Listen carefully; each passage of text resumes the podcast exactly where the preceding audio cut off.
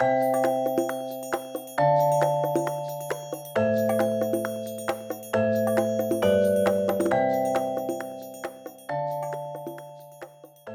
croeso i Hugh Marshall i'r podlediad wythnos hon, Cymeriadau Cymru. Nawr, Hugh, ti'n meddwl be, o'n i'n meddwl bod fi'n neud bach o bob peth, ond dwi'n mynd i anno ti yn...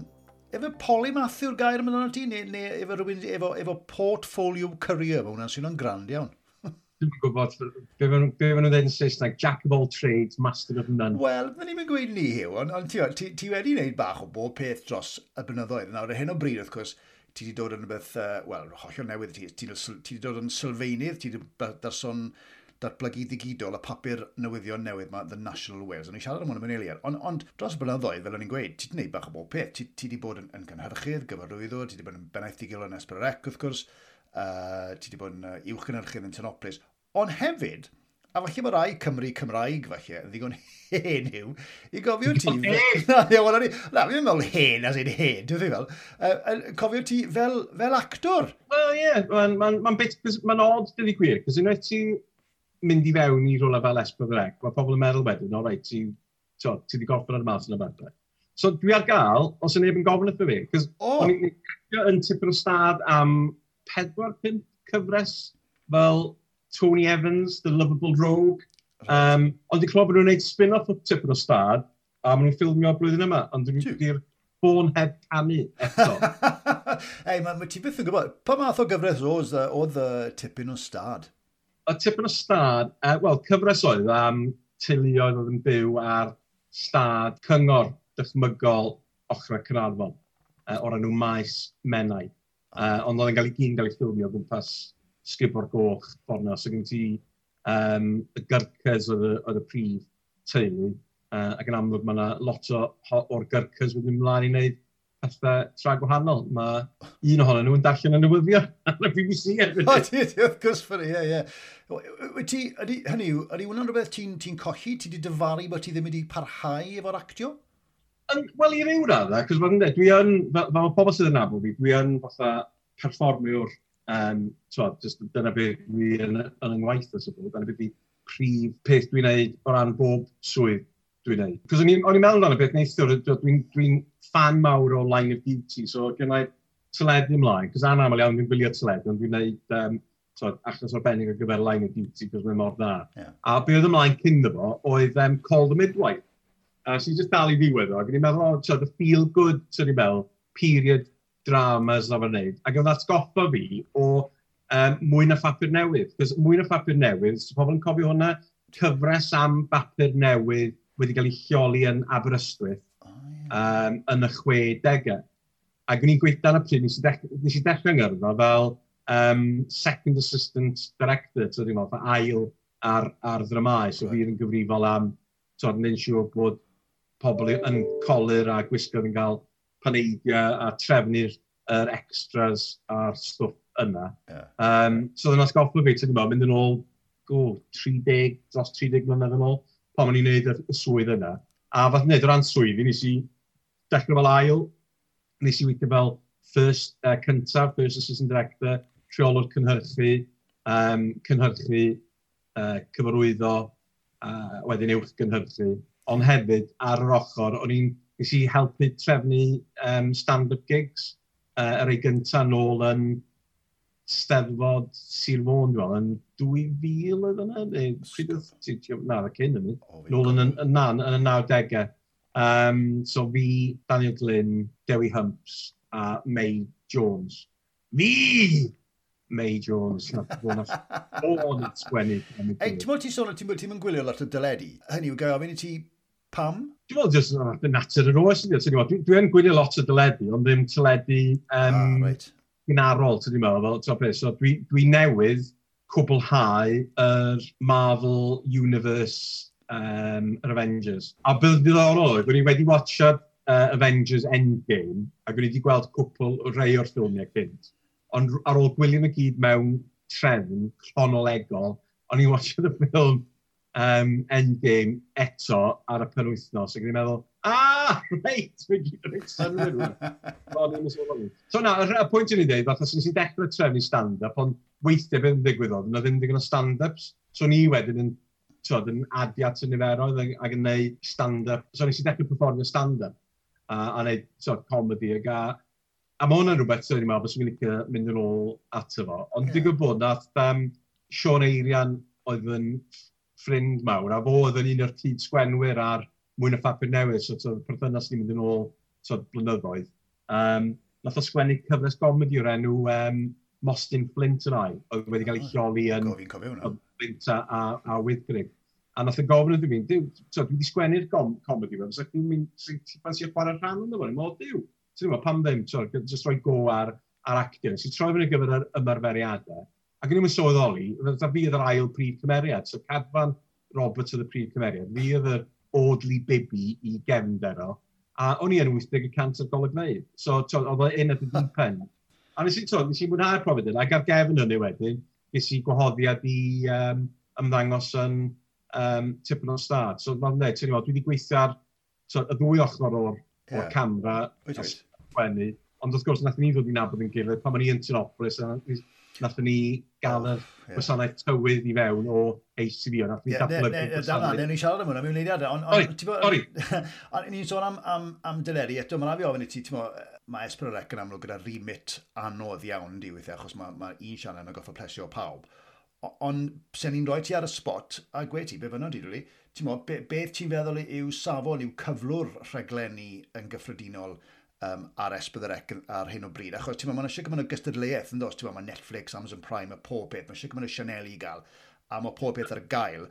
Ydy pobl yn gwylio llai a llai a llai o, o terrestrial, fel ti'n newydd dweud, dwi'n sicr yn, a fwy o, o Netflix a catch-up ac iPlay ag ati. Ynddi, a dwi'n meddwl hefyd ydi, so dwi'n dwi, dwi dwi ymwybodol o cynnwys Esbydderec, jyst trwy gweld clips ar Facebook ac ar, ar Twitter. So dwi'n gwylio cynnwys ar dyledu am bod fi eisiau gwylio fo, am bod fi'n meddwl bod o'n mynd i fod yn dda, neu bod rhywun wedi awgrymu dweud mae hwnna'n dda. Um, ac yn anffodus, dwi ddim yn gweld digon o hynny yn digwydd yn y Gymraeg. Dwi'n gweld nhw yn creu lot o fformat, sydd wedi meddwl, maen nhw'n fath o Channel 4, o'r cymdain with me, maen nhw'n chwilio am y fformat nesaf sydd yn mynd i fod yn fatha rhyw topic hit. Wedyn o'r antrymau, tod, nes i wneud y sylw ar, ar Twitter dyn nhw'n y blaen, dwi'n meddwl na dipyn o bobl cytuno. Mae ma, ma ar Esbydrec i weld i gyd yn sort, seicolegol ac yn sort, yn dywyll. Scandi noa, maen nhw'n trio bod yn scandi noa, dyn nhw. Dwi'n meddwl, yr cardi noa, maen nhw'n gael Cardi noa, ie. Y broblem ydy, mae'n greu, ond maen nhw'n creu cynnwys ar gyfer farchnad rhyngwladol, dyn nhw ddim yn creu i fi rwan. Yeah. Maen nhw wedi mynd i ffwrdd o creu cynnwys ar gyfer i cynulleidfa nhw sef siaradwyr Cymraeg. Ond, ond allai ti ddadle, mae, mae, mae, mae rhaid nhw'n neud yna? Hynny yw er mwyn carw fynd, er mwyn cael refn? Dwi'n gwybod bod arian yn, yn bryn, ond dewis nhw ydy, maen nhw fod i gwasanaethu i cynulleidfa nhw. A dwi'n meddwl maen nhw wedi, so, dwi'n dwi mynd yn ôl pam o'n i yna hefyd, dwi'n meddwl oedd y shift wedi mynd yna atach na meddwl amdano'n gynulleidfa gyntaf, oedd y gormod o bwyslais ar cefnogi'r cwmnïau, a oedd sicrhau bod y busnesau yn, yn llywyrchus ag, ag yn llwyddo, cos yr ofn bod os bys y cwmni'n methu, bys yr holl beth yn, mm. um, yn, yn, yn dymchwel. Um, a dwi'n beio nhw am hynny, ond dyna di'r di cyfeiriad maen nhw wedi mynd. Ond, yeah. so, o'n i afr yn mwynhau uh, so, teulu, gwylio pethau fel teulu, so, tip yn stad, so, dyna pan dwi'n fath bod tip yn stad yn dod nôl mewn, mewn rhyw ffordd, cos oedd yn boblogydd, oedd yn gael dros 100,000 o bobl um, yn gwylio fo. Ond efallai bod na cyfresu drama ysgol wedi bod yn Esbyd Wraig. Dwi ddim wedi dod ar draws nhw, dwi ddim wedi clywed pobl yn siarad efo fi amdanyn nhw, ond dwi'n gweld yr drama seicolegol newydd a pethau fel yna. Ac i fi, ti'n ni'n meddwl, mae yna gymaint o reina wedi bod yn Saesneg. A dwi'n dwi meddwl bod y genre yna wedi dechrau to, gwyno erbyn hyn. Dwi'n gwybod y yeah. pethau fel the, the, the killing a pethau. Oedd nhw'n gret am gyfnod. Ond mae pethau fel Line of Beauty, Unforgotten, So mae'r stwff sydd yn digw, sy cael ei wneud yn Saesneg mor, mor dda. Mm. Mae'n jyst yn rili anodd cystadlu. Dwi'n gwybod y pobl yn ymlaen dan y gwyll a pethau bod o'n beth. Ond i fi, oedd y gwyll, oedd yn oreit. Doedd o e ddim o'r ffantastig yn un i'n meddwl o ran yeah, sgwennu a, a pethau. Oedd y perfformiad yn dda, ond o'n i'n meddwl oedd o'n eitha pedestrian fel cyfres drama. Ie, yeah, mae ma, ma, ma, ma, iawn, mae ma, ma lot yn nhw i gyflawni, a mae'n anodd iawn i, i blesio pawb, fel o'n i'n gweud. Ond, ti'n meddwl, gan i fynd ôl, ti'n meddwl, ti'n ti, ti bod yn neud bach bob peth. Wyt ti'n berson fe chi sy'n hoffi neud fwy nag un peth ar y tro? Ti'n ti hoffi cael y peli mae fyny yn yr awyr? Na. Dwi'n sy'n well gen i bod efo un peth, un peth mawr, a gwybod lle mae o'n mynd. Um, so, na, so, pan nes i adael S4, so, o, o wirfod, cos o'n i hefyd yn teimlo efo, efo S4, a'n mhrofio di o pam ni cyn mynd i fewn yna, bod yna ormod o fatha lifers yna, bod pobl, unwaith maen nhw fewn yna, ti'n ni'n meddwl, maen nhw'n gafel yn ei destio fe'i trafangau, a bod yna diffyg churn, ac o'n i'n teimlo, o'n i'n cyflawn i fi o'n i eisiau wneud, um, tywed, oedd y byd yn symud ymlaen, oedd yr amser i ddod i rhywun arall efo syniadau newydd wedi fewn, a tywed, a tywed, maen nhw wedi newid i tywed y ffordd maen nhw'n gweithredu, a maen nhw'n gret, o'n i'n meddwl, maen nhw'n peth da dwi'n meddwl, maen nhw'n peth naturiol, nes i adael er mwyn canolbwyntio ar to, da neu dri prosiect. Dwi'n eisiau gwneud mwy o gwaith byrwyddo drwy gyfrwng y Gymraeg, fel dwi'n i'n gwneud efo'r yr awr Gymraeg. O'n i efo diddordeb datblygu busnes o gwmpas efo technoleg iaith. Ac o'n i hefyd efo diddordeb trio datblygu llwyfan newyddion um, yng Nghymru, oedd, tywed, oedd, yn, oedd yn cyfleu newyddion o Gymru. Yn ffodus, stroc anffodus, nath, um, to, nes i treulio tair blynedd ar ôl gadael Esbryd Rec yn gweithio ar y syniadau yna a trio gael nhw i, i, to, i, i, i dod at ei gilydd. Ac yn y blwyddyn diwetha, um, mae'r dau o'n nhw wedi cydio. So, ti'n ni'n meddwl, mae o'n mae'n gret, ti'n meddwl, dwi'n rhoi wedi bod mor brysur, ond dwi'n yeah, yeah. yn y bôn ar hyn o bryd yn cynnal dau swydd llan amser, uh, tra hefyd yn trefnu pethau mawr Gymraeg yn yeah. uh, amser sbar.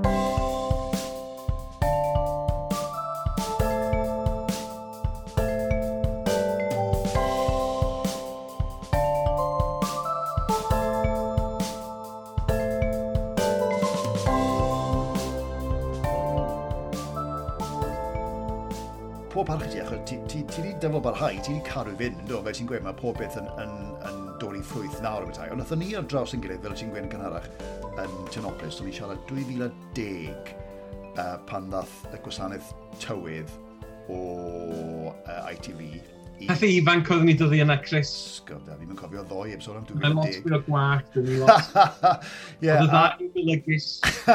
Wel, diolch ti'n ni yw. A mae'n un o hynny, wrth gwrs, es ti i, i Asperec i fod yn beraeth digidol, fe ti'n newydd ddweud. Ond mae'n un, gan i fy mlaen eto den, i 2012, dwi'n meddwl, os dwi'n iawn, nes ti ddechrau'r peth yma, oedd yn gwbl newydd ar y pryd, yr awr Gymraeg.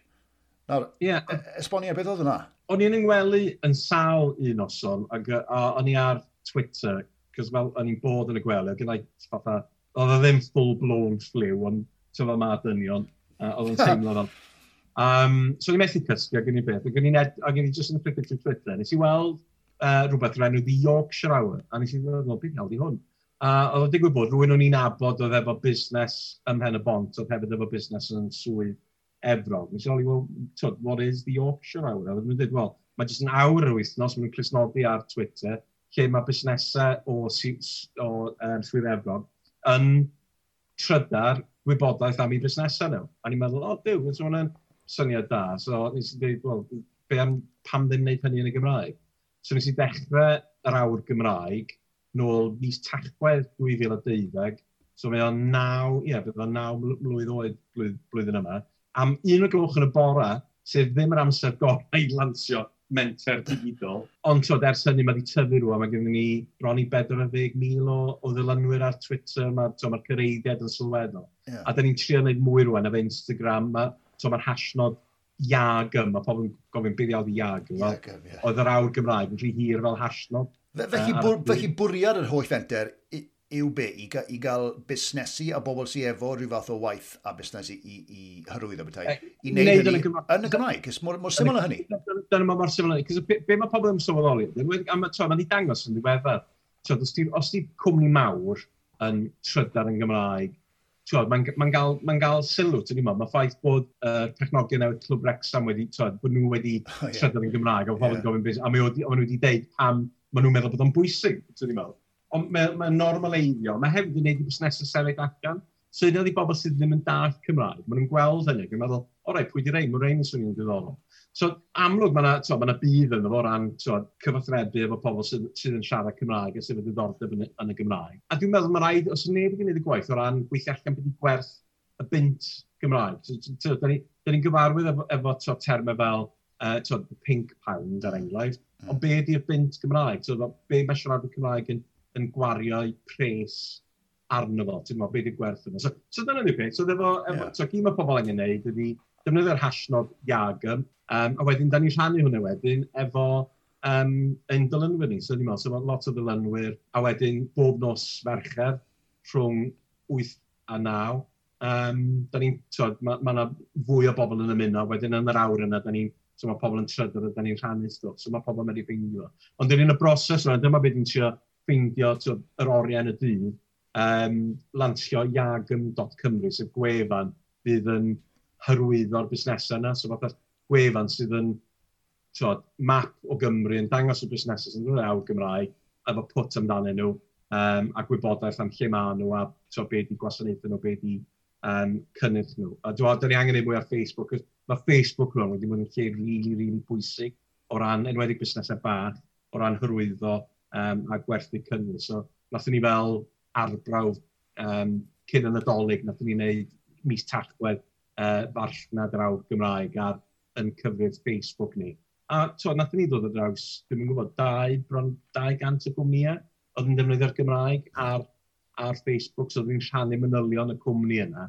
Ac oedd yn rili really diddorol, ti'n gwybod, cwmni creffau, cwmni cwrw, cwmni bwyd, cwmniau, ti'n meddwl, sy'n gwasanaethau. So, efo'r awr Gymraeg rwan, mae gennym ni pobl sydd yn cynllunio gwerthu cynginau, mae gennym ni busnes sydd yn gwerthu hun um, gopiwyr. So, mae pobl fel so, media meithrin yn defnyddio ni, cynghorau sir yn defnyddio ni. So, mae jyst yn hmm. ffordd mae pobl yn gwybod, os maen nhw'n rhoi'r stwff allan yn y Gymraeg, trwy ychwanegu'n hashtag, maen nhw'n gwybod bod nhw'n gael yr yeah. push.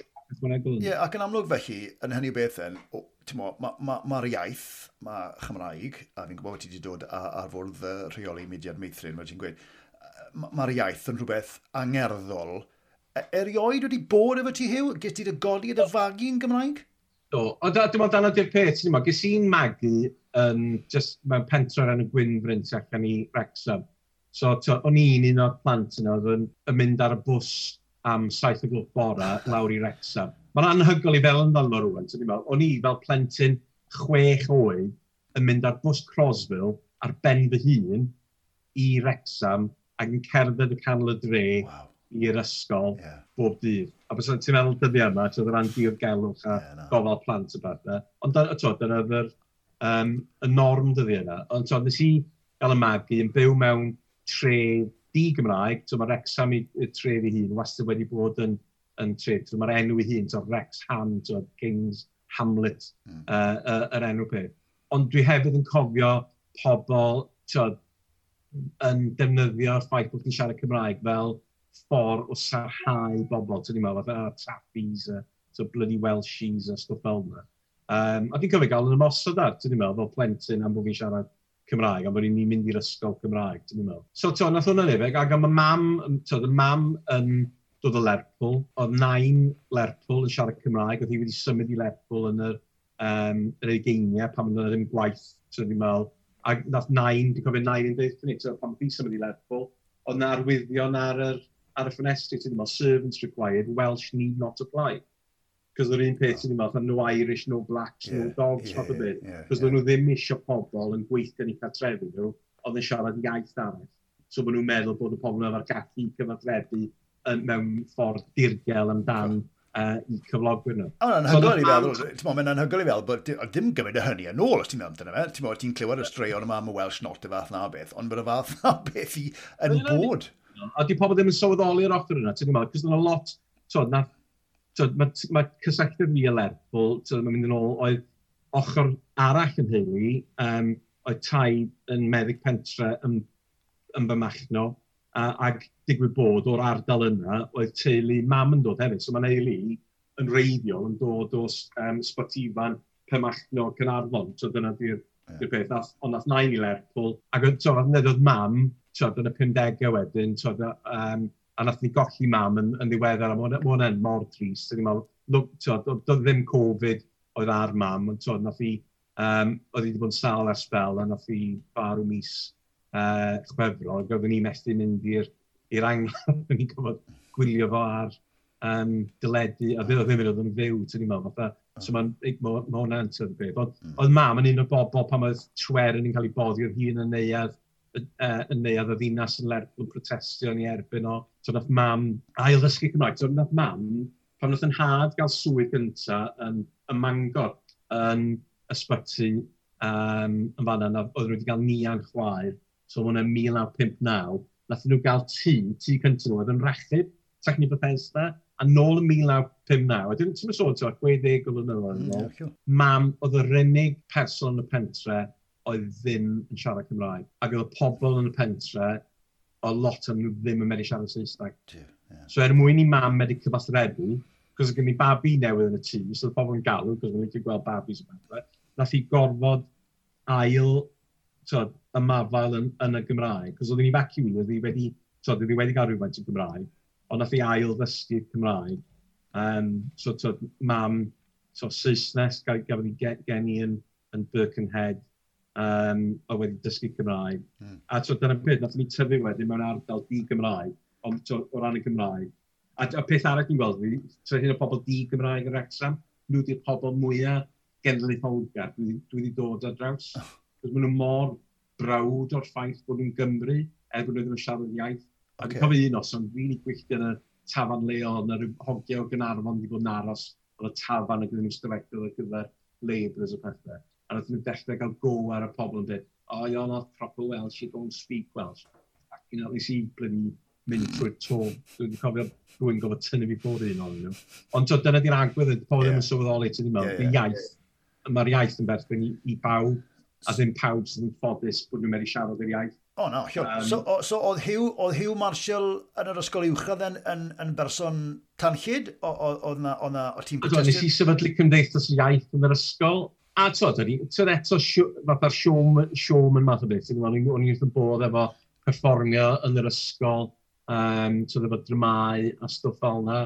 A dwi'n dwi meddwl yn y pen draw, dwi'n cofio stori Doniol, pam oedden ni'n cyrraedd yr ysgol o bod hyfryd, oedden ni'n mynd i ysgol Morgan llwyd. ac oedden nhw wastad yn mynd â tyd, y blwydd, blwyddyn cyntaf um, o Morgan llwyd i stafell angollen. Am, tyd, nôl yn dyddiau, a 400 yn disgyblion oedd yn Morgan llwyd. so ti'n meddwl, oedd ddim rhyw 40 on yn ei o'n So maen nhw'n mynd â ni draw i Steddfod, a dwi'n cofio Meiriona oedd yr athrawes Cymraeg, a mae hi efo fi wrth i ochr i, a mae'n cwrdd â athrawes o ysgol arall Cymraeg yn yr ardal. A mae o'n nhw'n siarad y beth, ac yn dweud, a maen nhw'n dweud, o, Hew ydi hwn.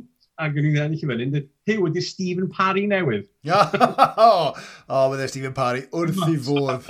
Dwi'n dwi'n nabod Stephen, oedd Stephen amlwg oedd o'n y chweched dosbarth pan mi'n o'n i'n cyrraedd. Mae Stephen yn hen efo'n Ond, o na, dyna oedd y peth, so o'n i'n berfformiwr. A dyna peth, dyna lle nath yn ochr um, comedy dod o'n efo, Ti'n meddwl, o'n i'n wastad, o'n i'n neud ffrindiau efo'r efo'r um, yr hogiau caled i gyd a neud nhw chwerthin er mwyn sicrhau. Er mwyn sicrhau, ie, yeah, well, yeah, good, good point, well, well,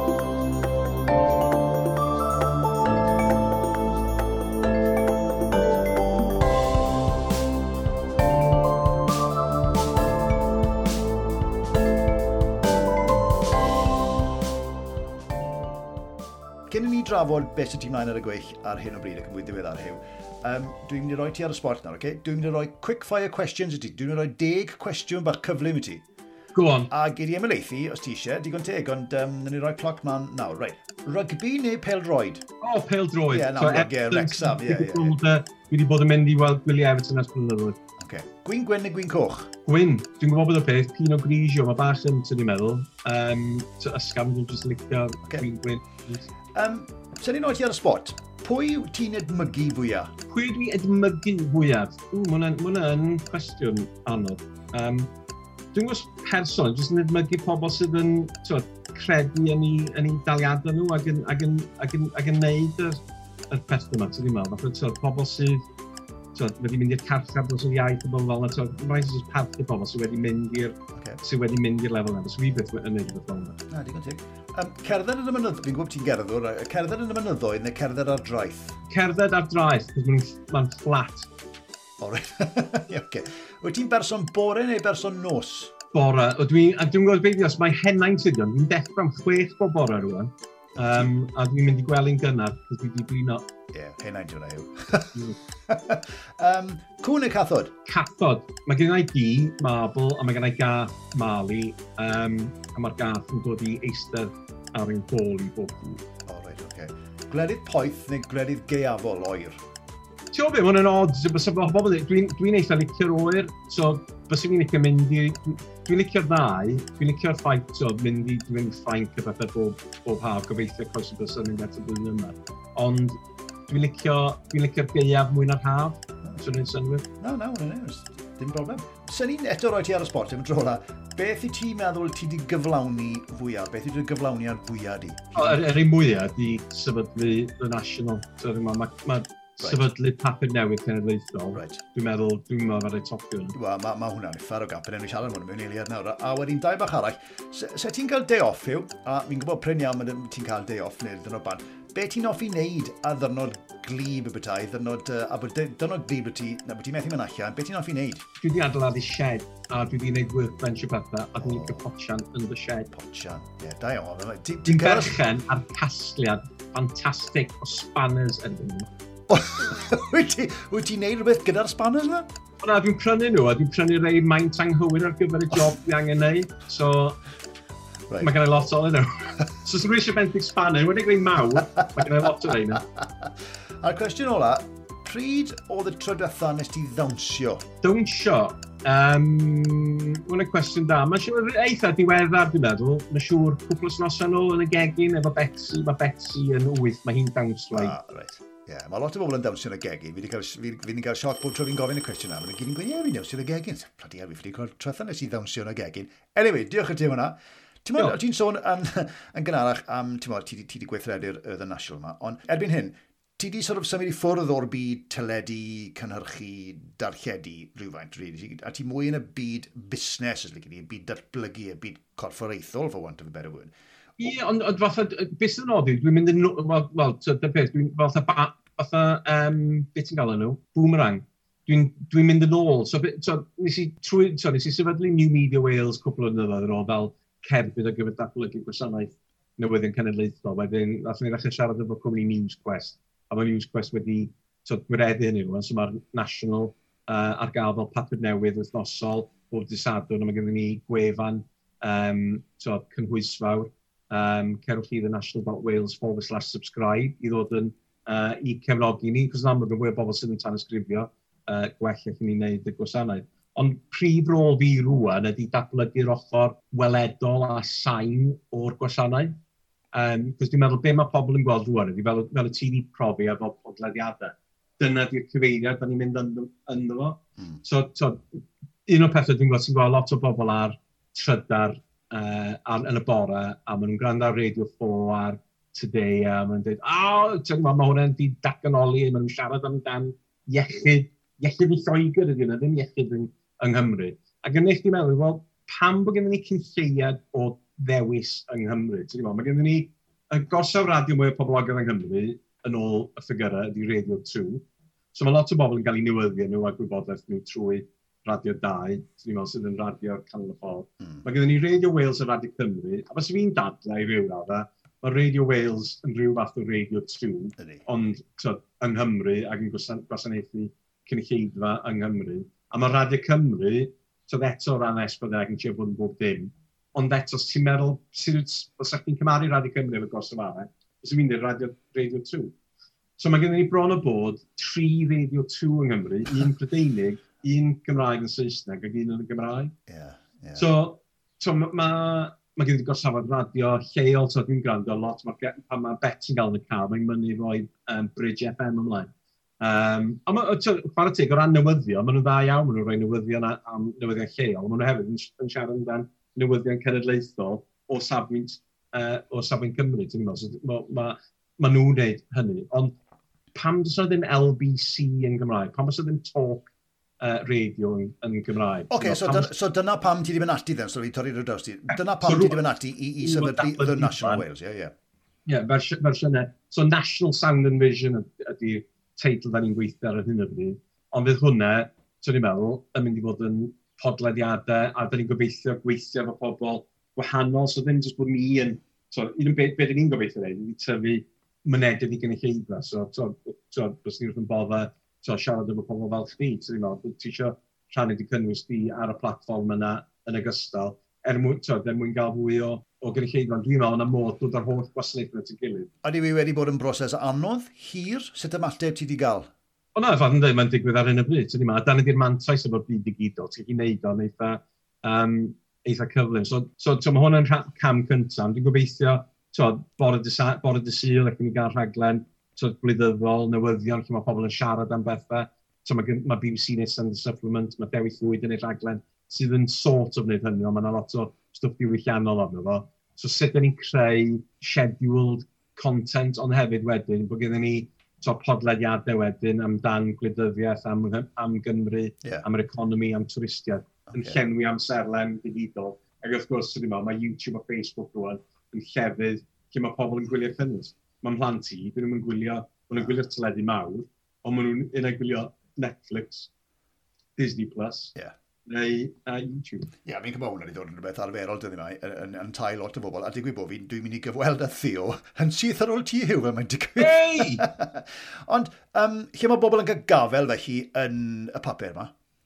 So, mae'r National ar gael Tesco, Morrison's, Asda, Sainsbury's, Co-ops, uh, Dyfryd Smith, oh. lot o llefydd annibynnol. So yn y bwm, bob man, yr unig llefydd sydd ddim yn gwerthu ar hyn o bryd, da ni trafod efo nhw, ydy uh, Waitrose, Marks and Spencers a y Spa. Um, so heb law yma ni, mae'r gael ym mhob man ar draws Gymru. Okay. Uh, ond wrth gwrs, tyd, gwasanaeth digidol ydyn ni'n benna. Um, so mae'r gwefan, so, the National Wales. A beth sy'n ddiddorol yma na hefyd i fi, ydy dwi'n dwi, fi sydd yn datblygu strategaeth Cymraeg, um, the national, So, os ydych chi'n prynu naso, fyddech chi'n gweld, gwa, mae yna cynnwys yn cael ei datblygu ar gyfer dysgwyr. Cos beth ni eisiau gweld ydy sut mae the national wedi bod, mae dysgu iaith yn rhan o continuum.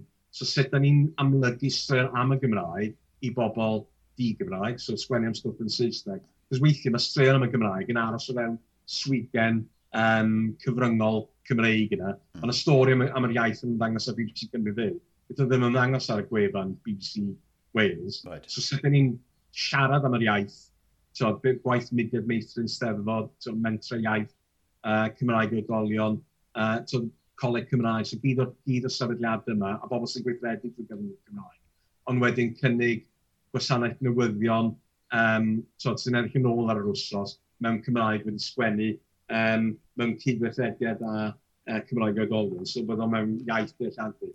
Um, Cos oedd mae ma, ma Golotipig ddim, mae newyddion wedi lansio, newyddion S4C wedi lansio gwasanaeth newyddion, a mae BBC Cymru fyw. So mae'n gwasanaethau newyddion da yn y Gymraeg. So sut yn ni'n medru helpu bobl ar y taith yna o fod yn ymwybodol o'r Gymraeg helpu nhw efo dysgu Gymraeg, yeah. wedyn bod nhw'n medru gael okay. mynediad i'r gwasanaethau Cymraeg. Okay. A, a felly, yn hynny beth, y dyfodol, wyt ti'n berson sy'n methu aros yn llori siarad fod, mae wastad rhywbeth mlaen dy ti, ti'n meddwl, drwy'r amser, yn dos, so... On, beth dwi'n wedi sôn amdano, di anwen, so anwen yn busnes ah, yeah, yeah. blwyddyn yn ôl, o'n i wedi bod yn gweithio ar ôl, cos eto, pan ni yn Esbydrec, yn i sylweddoli y shift yma efo pobl yn defnyddio um, llais i reoli dyfeisiadau.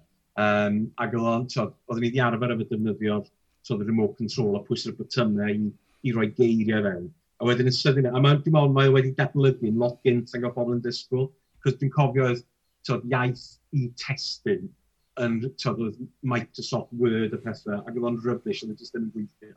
Ond beth y gwyddoedd oedd, oedd na fatha neidiau technolegol, ac yn sydyn dweud, oedd y technoleg yn gweithio reit dda. So dwi'n siarad efo teledu rwan i ffeindio cynnwys. So dwi'n siarad efo um, Alexa i gwrando ar y radio a, a stwff fel yna. Ond be wyt ti'n methu wneud, ydy'n gwneud y drwy gyfrwng yn Gymraeg. So mae hwnna ydy'r prosiect mawr arall ni'n gweithio arno fo yn y cefndir ydy datblygu tywed, y technoleg yna yn y Gymraeg. Okay. Um, ond mae Anwen yn, bus, yn gwmni sydd yn wedi datblygu, sydd yn datblygu cymar digidol ar gyfer helpu bobl, uh, enwedig o safbwynt um, gofal cymdeithasol a gofal iechyd. So, mae lot o bobl wedi dangos e efo'r uh, pandemig bod nhw yn byw bywyd eitha so, isolated ag unig. So, sut wyt ti'n cael dyfais? Sydd ddim jyst yn rhywbeth wyt ti'n gofyn cwestiynau iddo fo, neu jyst defnyddio beth, ond sydd yn medru cefnogi chdi, sydd yn atgoffa di o ran so, cymryd y moddion, neu yn deitha chdi mae'r tywydd yn braf heddiw. Oh, right. um, so, mae'n mynd i bwrw glaw'r pan sy'n siŵr am dro dos rwan, yn helpu pobl, bod yn rhan o gymuned e, ehangach. So mae hwnna rwan, so nath ni, da ni wedi cael so, buddsoddiad sylweddol gan Innovate UK, gan Llywodraeth Prydain, a hefyd gan y European Space Agency, cos mae rhan o'r dechnoleg da ni'n defnyddio. Di ddim jyst y dyfais ei hun, ond sut mae'r dyfais yn gyrru gwybodaeth yn ôl ac ymlaen o dyfais o, o twll llefydd eraill. Ac yn amlwg yng Nghymru, so lle mae signal ffôn yn medru bod yn wael, lle mae, twll, mae ddim pawb efo band llydan, So, dyn ni'n datblygu technoleg uh, low rwan, sef low-powered radio networks. So, mae beth ni'n ei efo'r European Space Agency yn edrych sut yn cymryd gwybodaeth allan o dyfais a gyda fo trwy lloeren. So, dyna bod dy fam neu dy dad neu nain neu taid neu rhywbeth yn cael codwm yn y tŷ a maen nhw'n gweiddi bod nhw wedi cael codwm. Wel, os oes yna ddim broadband, os oes yna ddim pwer am ryw reswm, mae'r dyfais dal i weithio, mae gennym fo batch yna, yma, mae gennym Oh, wireless okay. connection yma. A wedyn, os oes yna ddim signal ffôn y beth bynnag, mae'n medru gyrru fo i'r base station sydd yn gyrru fo swyd lloeren. Okay. So, ti'n gwybod, mae rhaid i chi fod, efo dyfeisiadau fel yna, mae rhaid i chi fod efo be maen nhw'n galw fo'n fatha TV level resilience. Cos beth mae'n gael, so, os di teledu mynd lawr, fel so, TV'n gwybod efo, so, gweithio i S4C, ti'n gwybod, so S4C mynd off yn awr, so, panic station, ffordd o'r gwmpas ond tw'n anaml iawn yn digwydd, cos mae'r system yn wedi cael ei setio fyny. Yeah. Uh, so, dyn ni'n lwcus iawn, mae'r um, dau o'r boes yn gweithio efo ni, uh, un nath, nath un o'n nhw fod nath creu uh, meddalwedd sydd yn rhedeg um, systemau'r BBC.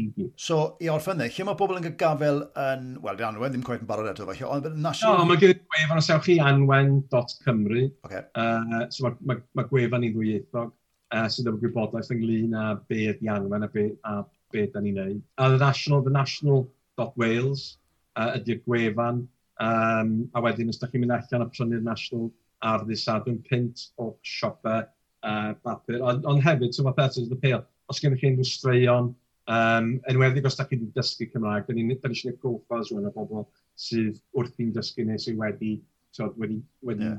gorffen i um, siwrna nhw. A, a dwi'n gwybod beth, so, ma, ma, jo, dwi wastad yn dysgu. Uh, a dwi'n gwybod, pan ni'n neud stand-up o gyda un, jo, ges i parking ticket yn gynnal o'n unwaith, a ges i egluro'r boi pan mae'n gofio parcio bob dim, a gyfodd so oedd o'n sympathetic o'n dweud, o, dwi'n dweud topi chi fan hyn, mae'n mynd, mae'n mynd off. Anyway, just to figure it off, mae'n dod nôl ac yn tapio'r ffens, dwi'n mynd i newid i feddwl nhw, gret, mae'n mynd i'r ffens, gyda llaw, da chi wedi dysgu Cymraeg yn dda iawn.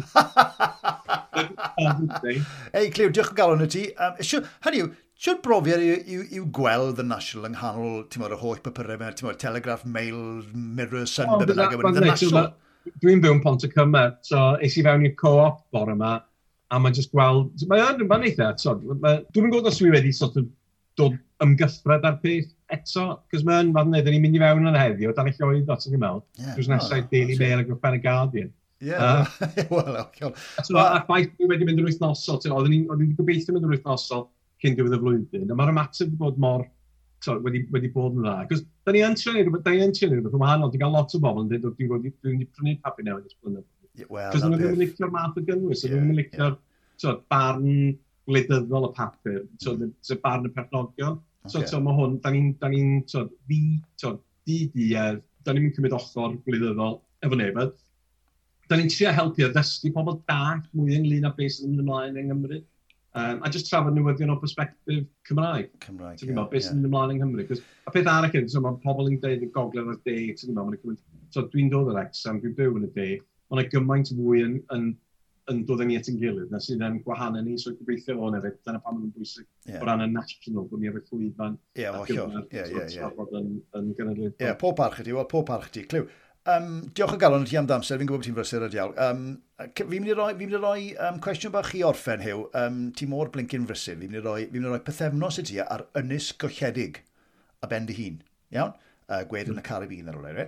Nawr, sna'n plugs ar yr ynys yma, Ond beth yw'r un eitem, bach o radio ffôr fan dos, beth yw'r eitem foethus ti'n mynnu mynd efo ti, ti'n methu byw efo? Be, a dwi'n cael mynd efo ffôn efo fi, neu ddim? Gei di fynd ar y ffôn, ond fe rhaid, beth ti'n methu chargio fe, achos dim plugs na. O, oh, rhaid. Right. O, ti'n o be, beth sy'n mynd â pensil a dan y bapur? Y cyn efo gen i reina, dwi'n just medru rhoi syniad i fi lawr yn y bapur. Ie. Yeah. Dwi'n meddwl, hyn o pan di ar yngwyliau, ti'n meddwl, dwi'n meddwl stopio, dwi'n dwi gweithio. A pobl yn dweud, o, pam ti'n dweud, a dwi'n dwi fwy rwan, rwan bod fi'n gweithio mewn, ti'n gymaint yn, yn yr wythnos. Dwi'n teddol rwan ar dysadwn a dysil i switcho off lot yeah, fwy. Ie, yeah, mae'n rhaid. Um, so, right. gwneud gwaith sydd o gwmpas. Um, Siwr bydde ti'n ymdopi ar yr ynys ma? Ei, allai ti fynd yn ysbanners efo ti? Wel, dyna fo, ti'n meddwl, allai fi bildio... O na, ti'n meddwl, dwi'n eitha mwynhau cwmni fy hun. Sgan i'n problem efo, efo hynny. So, ah, no, na, dwi'n gwybod, dod ymlaen iawn cyn i'r bod yr um, bwyd yna, a dŵr, pensel, a papur. A fe, ti'n hapus? Ac i dechrau papur newydd fy hun. Sgwennu fy ddyddiol, a gwerthu fy hun.